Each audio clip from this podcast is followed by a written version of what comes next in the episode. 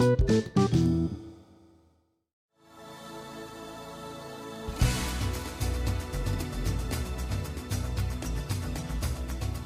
kabar pendengar CD editorial audiobook? Martino Raintung kembali bersama Anda dalam talk show Retail Excellence Series bersama seorang pemerhati bisnis retail di Indonesia, Christian Guswai. Beliau adalah konsultan, trainer, dan penulis buku di bidang bisnis retail. Kali ini kita akan membahas mengenai merchandiser. Pertanyaan awal mengenai merchandiser mungkin Pak Christian bisa dijelaskan segala sesuatu tentang profesi merchandiser di dalam bisnis retail ini Pak? Pendengar editorial audiobook yang saya hormati, guna melengkapi pengetahuan Anda dengan bahasan kali ini, saya sarankan untuk juga mendengarkan Retail Excellence Series yang berjudul Inventory Management.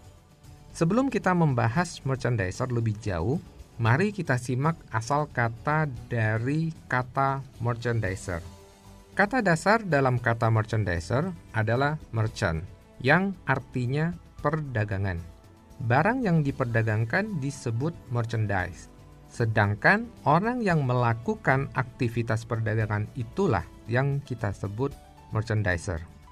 Di dunia retail modern, kata merchandiser sering digunakan untuk menyebut seseorang dalam struktur organisasi yang bertanggung jawab terhadap pengadaan barang dagangan, mulai dari sourcing atau pencarian sumber barang, selection atau pemilihan jenis barang yang akan dibeli, menegosiasikan harga dan sistem pembelian, sampai ke pembukaan surat pesanan untuk menentukan kapan dan jumlah barang dagangan yang akan dibeli.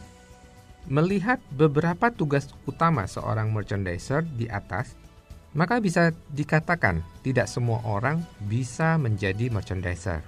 Ada beberapa persyaratan untuk menjadi merchandiser sehingga baik perusahaan maupun pencari kerja hendaknya menyadari dan bisa melakukan pengecekan untuk syarat-syarat menjadi seorang merchandiser.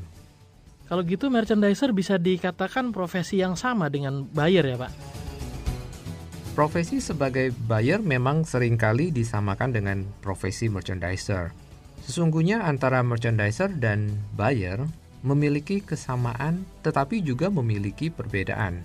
Buyer lebih fokus kepada aktivitas membeli dan membeli kembali barang-barang yang sudah jelas jenisnya dan kemudian mengestimasi berapa jumlah yang harus dibeli. Merchandiser, meskipun melakukan aktivitas membeli seperti yang dilakukan buyer tadi, namun masih melakukan banyak hal lain dalam pengertian yang lebih luas dalam kapasitasnya sebagai pedagang. Di negara yang industri retailnya lebih maju, profesi sebagai buyer memang dibedakan dari profesi merchandiser. Biasanya buyer merupakan posisi di bawah merchandiser. Seorang merchandiser bukan hanya seorang pembeli, tetapi adalah pedagang.